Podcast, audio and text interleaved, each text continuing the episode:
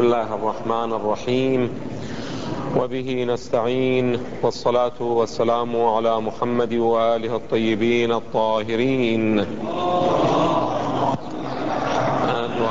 محمد في الأيام الماضية تكلمنا عن بعض خصائص عالم البرزخ وقلنا بأن الإنسان لا تنقطع حياته بموته وإنما هذه الحياة مستمرة بلا انقطاع ولكنه على اختلاف درجاتها فإنه في هذه النشأة يعيش مع بدن مادي ولكنه بعد هذا العالم وهو عالم الدنيا تعيش الأرواح وتعيا وتحيا إما منعمة وإما معذبة ولكنه من غير أبدان. وبعد ذلك في الحشر الأكبر فإن هذه الأرواح أيضا ترتبط بالأبدان. إذا هذه مقاطع ثلاثة. هذا المقطع الذي نعيش فيه وهو عالم الدنيا والإنسان هنا. يعمل ولا يحاسب ظاهرا وإلا فإن المحاسبة كما بينا ذلك في خطب يوم الجمعة أن المحاسبة تبدأ من هنا. ولكن الإنسان غير ملتفت لذلك. المهم اليوم حساب ولا عمل. ولكن عندما ينتقل إلى عالم البرزخ هو لا يستطيع أن يعمل ولكنه يبقى هناك مجال للتكامل. يعني آثار أعماله في الدنيا لا تنقطع عنه. مهم هذا هو أنه هو لا يستطيع أن يعمل شيئا جديدا في عالم البرزخ. يضيف إلى حسناته شيء أو يزيد في سيئاته شيء هو بنحو الاستقلال وبنحو الابتداء لا يستطيع ذلك ولكن آثار أعماله في الدنيا التي عملها عملها تلحقه في عالم البرزخ إما حسنة وإما سيئة من سن سنة حسنة فله أجرها وأجر من عمل بها سواء كان هذا الإنسان في الدنيا أو كان في البرزخ. ومن سن سنة سيئة أيضا عليه وزرها ووزر من عمل بها سواء كان في هذه النشأة أو في نشأة البرزخ. ومن هنا إن شاء الله تعالى سوف نقرأ في مجموعة من الروايات أن الإنسان إذا ما تنقطع عمله إلا من ثلاث انقطع عمله إلا من خمس.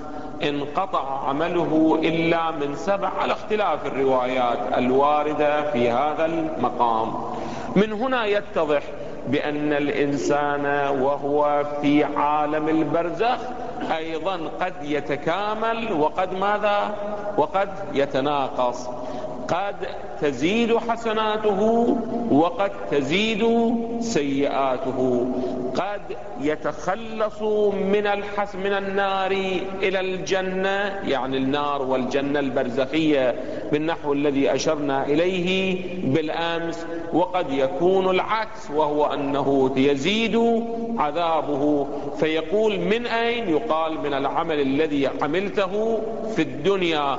قلت المقولة الكذائية وإلى الآن آثار تلك المقولة موجودة. عملت العمل الكذائي وإلى الآن آثار ذلك العمل موجود وآثاره السيئات تلحقه وهو في البرزخ. على أي الأحوال؟ قرأنا بعض الروايات بالأمس فيما يرتبط بخصائص عالم البرزخ. أيضا هذا اليوم نحاول أن نقرأ بعض تلك الروايات. من الروايات ما ورد في أمال الشيخ الصدوق فيما كتب أمير المؤمنين عليه أفضل الصلاة والسلام لمحمد بن أبي بكر يا عباد الله ما بعد الموت لمن لم يغفر له أشد من الموت. هذا الذي قلناه مرارا أن البعض يتصور بأنه بمجرد الانتهاء من هذه الدنيا ينتهي كل شيء إلى الحشر الأكبر. لا. هكذا يقول أمير المؤمنين. ما بعد الموت لمن لم يغفر له أشد ماذا؟ أشد من الموت. وهو ماذا؟ يقول الإمام وهو القبر. وذكرنا للإخوة أن القبر هنا مو هو القبر الفقهي وإنما هو القبر ماذا؟ القبر الكلامي. يعني مو القبر المرتبط بالجسد وإنما القبر المرتبط ماذا؟ بالروح. لأننا قلنا يوجد عندنا قبران. قبر مرتبط بالجسد وهو الذي يبحث عنه في الفقه. وقبر يبحث عنه أو يرتبط بأي شيء يرتبط بالروح. هذه الروايات التي تتكلم عن قبر عالم البرزخ مراد قبر الروح لا قبر ماذا؟ لا قبر البدن والجسد. فيقول الإمام عليه أفضل الصلاة والسلام فاحذروا ضيقه وضنكه وظلمته وغربته. التفت جيدا. هذا القبر يقول الإمام احذروا ضيقه. قد يدفن الإنسان في مكان واسع من حيث المكان. قد يدفن في مكان مضيء ولكن هذا القبر الذي للجسد يكون مضيئا. وإلا قبر الروح ماذا يكون؟ لمن لم يغفر له يكون ضيقا. ضيقه أيضا بعد ذلك الروايات تبين يكون ضيقا ضنكا مظلما ونحو ذلك. إن القبر يقول كل يوم. هذا القبر أي قبر؟ هذا الموقع المحل الذي سوف تذهب إليه ما بعد الموت يعني عالم البرزخ. إن القبر يقول كل يوم أنا بيت الغربة أنا بيت التراب أنا بيت الوحشة أنا بيت الدود والهوام والقبر. إما روضة من رياض الجنة أو حفرة من حفر النيران. ثم يسترسل الإمام عليه أفضل الصلاة والسلام. يقول إن العبد المؤمن إذا دفن قالت له الأرض التفت جيدا. قالت له الأرض نحن في اعتقادنا وكما يصرح القرآن بذلك أن كل شيء حي لا يوجد عندنا شيء ميت. فلهذا تجدون القرآن الكريم عندما يأتي إلى الأرض يقول تحدث أخبارها بأن ربك أوحى يومئذ. تحدث أخبارها بأن ربك أوحى لها. هذه الأرض تحدث أخبارها ولكن الآن الله سبحانه وتعالى لم يسمح لها ماذا؟ بالتحدث أو بعبارة أدق.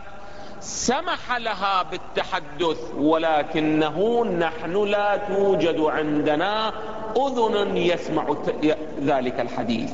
وإلا حديث الأرض حديث عالم البرزخ حديث الكفار حديث من لا يغفر لهم. بعد ذلك الروايات تأتي تشير إلى هذه الحقيقة بأنه كل شيء يسمع ما يجري على أهل عالم البرزخ إلا الثقلان إلا الجن والإنس. هؤلاء حجبوا, حجبوا عن ذلك.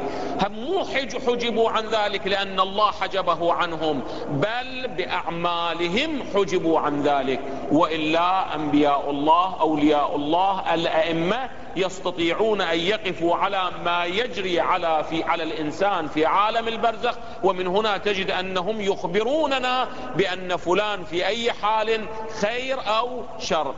يقول الإمام عليه أفضل الصلاة والسلام إن العبد المؤمن إذا دفن قالت له الأرض مرحبا وأهلا. قد كنت ممن أحب أن تمشي على ظهري.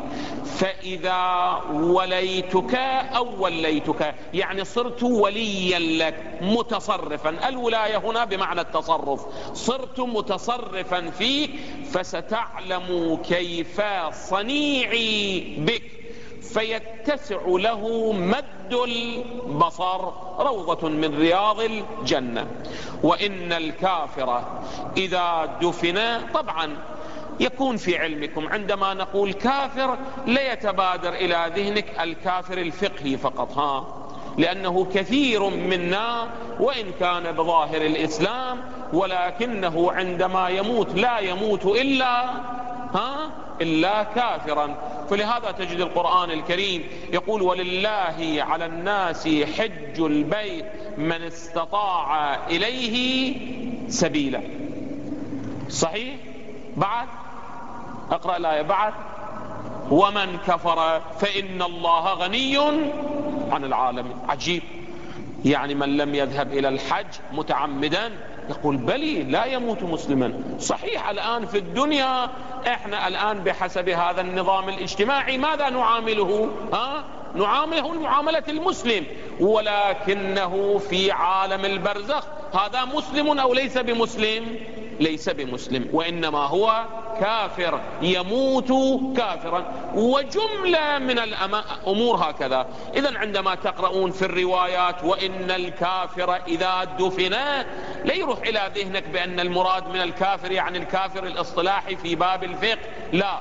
الكافر في القرآن الكافر في الرواية له إصطلاحات متعددة. حتى أن الإمام الصادق عليه أفضل الصلاة والسلام يقول يطلق الكفر على معان خمس في رواية مفصلة في تحف العقول. الإمام يبين مصاديق الكفر. بعض مصاديق الكفر مرتبط بالاعتقاد بعض مصاديق الكفر مرتبط بالعمل بعض مصاديق الكفر مرتبط بمن لم يؤدي شكر نعمة أنعمها الله عليه. التفت جيدا.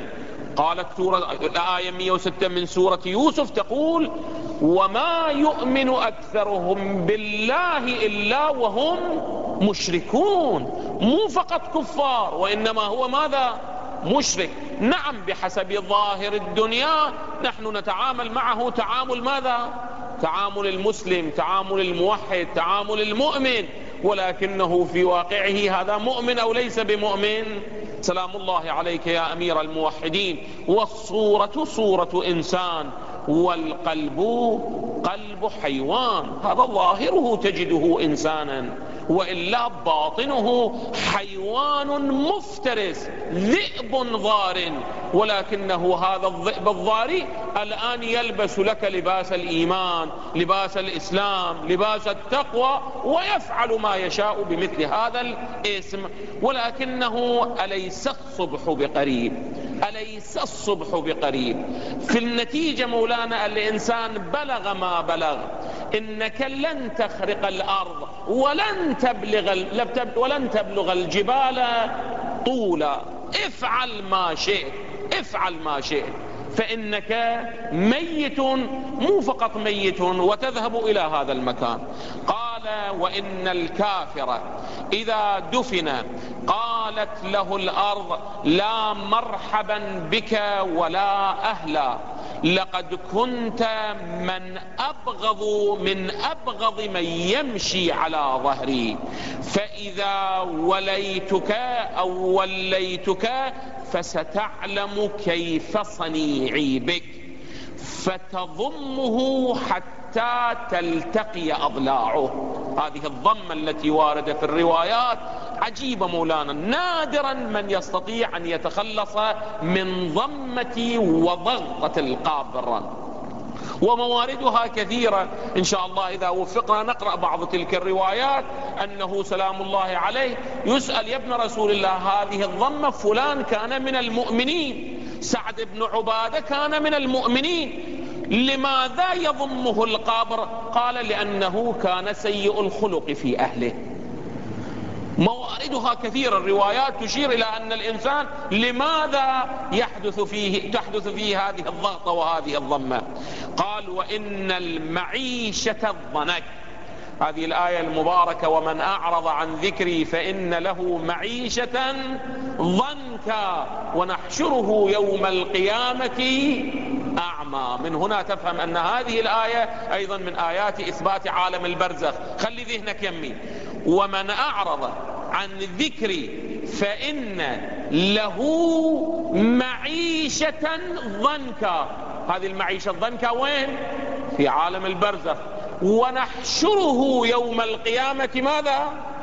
ها؟ أعمى. هسه الإمام سلام الله عليه هاي المعيشة الضنك اللي هي من مصاديقها عالم البرزخ يبينها. ما هي معيشة الضنك التفت جيدا. يقول وإن المعيشة الضنك التي حذر الله منها عدوه عذاب القبر. ومن أعرض عن ذكري التفت أمير المؤمنين يعبر عن الذين أعرضوا عن ذكر الله بأنهم ماذا؟ بأنهم أعداء الله. قال عذاب القبر. هسه ماذا يحدث للإنسان في عذاب القبر؟ هسه أنا فقط أريد أقف عند هذه الرواية كم دقيقة. قال إنه يسلط على الكافر. بينت. مو مراد من الكافر يعني الذي يكفر بالإسلام. لا لا. قد أكون أنا وأنت أيضا ماذا؟ ممن يموت كافرا. فلهذا أنا وأنت نسأل الله حسن العاقبة. حسن العاقبة أنه لعلك ستين سبعين ثمانين سنة تكون في خدمة الإسلام تكون في خدمة الدين ولكنه لعمل واحد بسيط يصدر منك. لا تموت ماذا؟ لا تموت على الإسلام. يعني يحبط جميع عملك. جميع عملك يحبط لا قيمة له. وقدمنا إلى ما عملوا من عمل فجعلناه هباء منثورا. قال يسلط على الكافر في قبره تسعة وتسعين تنينا فينهشن لحمه ويكسرن عظمه يترددن عليه كذلك إلى يوم البعث. لو أن تنينا منها. التنين الأفعى الضخمة. لو أن تنينا منها نفخ على الأرض لم تنبت زرعا أبدا. التفت جيدا لأنه عذاب القبر عذاب الآخرة. مولانا لا يشبه عذاب الدنيا. كما أن نعيم الآخرة لا يشبه نعيم الدنيا. لا عين رأت ولا أذن سمعت ولا خطر على قلب إنسان. لا يتبادر إلى ذهنك هذا فقط مرتبط بالجنة بالنعيم بالجحيم أيضا كذلك. يعني لا عين رأت ولا أذن سمعت ولا خطر على قلب إنسان. وبعد ذلك القرآن الكريم عندما يقول لهم ما يشاءون فيها ولدينا مزيد اطمئن ولدينا مزيد مو فقط في الجنة ولدينا مزيد أيضا في النار. قال لو أن تنينا منها نفخ في الأرض لم تنبت زرعا. يا عباد الله إن أنفسكم الضعيفة وأجسادكم الناعمة الرقيقة التي يكفيها اليسير تضعف عن هذا. الإمام سلام الله عليه بعد صار بصدد الوعظ. تتحملون أنتم هذا؟ إذا تتحملون افعلوا ما شئتم. إذا تتحملون خالفوا أوامر الله. إذا تتحملون افعلوا ما شئتم. فإن استطعتم أن تجزعوا لأجسادكم وأنفسكم مما لا طاقة لكم به ولا صبر لكم عليه. فاعملوا بما أحب الله واتركوا ما كره الله. إذا تحبون أنفسكم تحبون أجسادكم فاعملوا بما أحب الله واتركوا ما كره الله. هذه رواية. الرواية الأخرى التي نقرأها إن شاء الله هذه الرواية التي وردت في أنا أقرأها كما قلت من تسلية الفؤاد. في صفحة 87 الرواية ينقلها عن أمال الصدوق عن موسى بن جعفر عليه أفضل الصلاة والسلام. قال إذا مات المؤمن شيعه سبعون ألف ملك إلى قبره. فإذا أدخل قبره أتاه منكر ونكير فيقعدانه ويقولان له من ربك ومن دينك ومن نبيك إلى آخره. طبعا في جملة من الروايات ومن إمامك ولعله الإمامة أو من أوائل الأمور التي يسأل عليها الإنسان في قبره. فيفسحان له بعد أن يجيب على الصحيح فيفسحان له في قبره مد بصره ويأتيانه بالطعام من الجنة ويدخلان ويدخلان عليه الروح والريحان.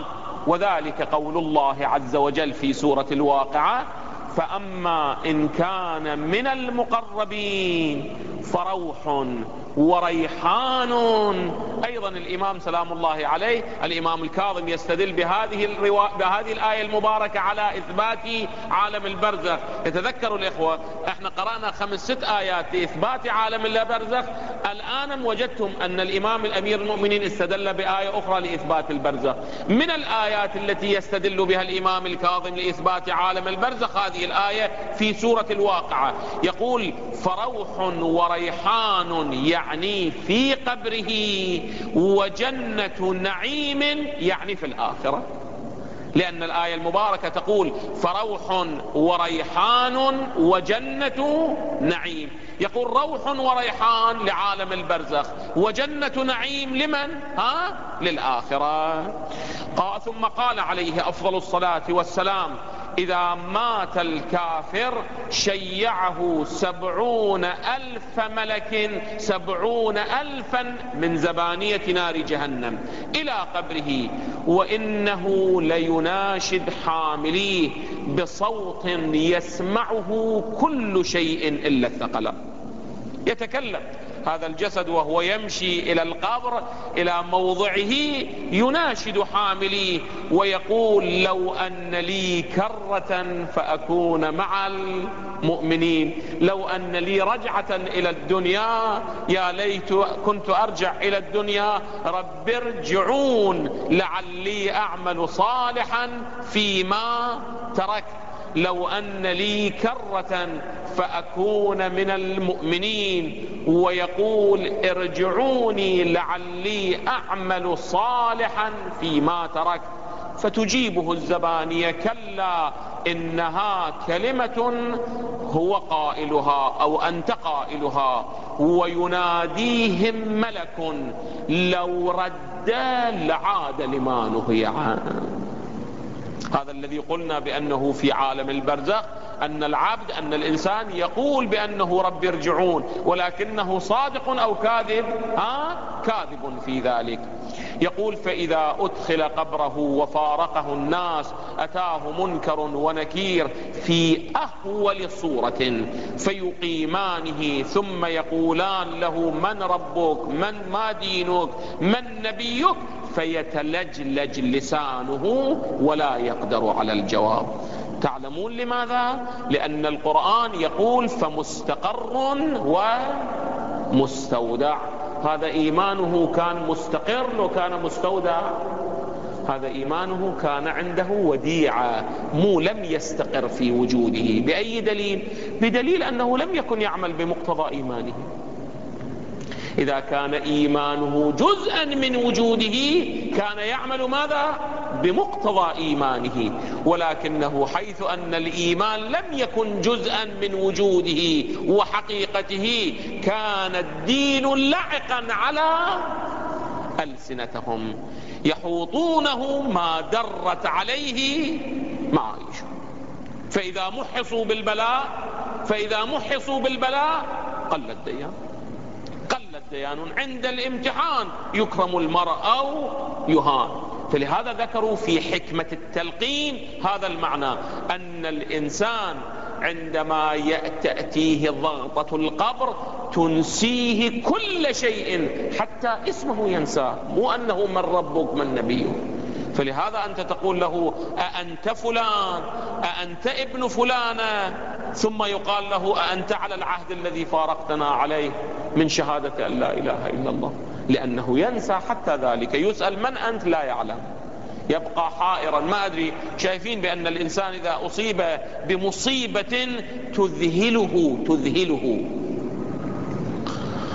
تذهله. فلهذا تجد الآيات القرآنية الكريمة تقول وتضع كل ذات حمل حملها وترى الناس سكارى وما هم بسكارى ولكن ها عذاب الله شديد. أصلا يذهلهم ينسى كل شيء حتى اسمه على أي الأحوال. يقول فيتلجلج لسانه. وفي الدنيا كان يقول لا إله إلا الله. ليش الآن ما يقدر يقول لا إله إلا الله؟ شنو المنافق في الدنيا ما كان يقول لا إله إلا الله. شنو هذا الذي كان يظهر الإيمان ما كان يقول لا إله إلا الله. أشهد أن محمد رسول الله. ولكن يستطيع أن يقولها في الآخرة في البرزخ أو لا يستطيع. يقول فيتلجلج لسانه. ولا يقدر على الجواب. فيضربانه ضربة من عذاب الله يذعر لها كل شيء. ثم يقولان له من ربك وما دينك ومن نبيك؟ فيقول لا أدري فيقولان له كذا ثم يفتحان له بابا إلى النار وينزلان, وينزلان إليه من الحميم من جهنم.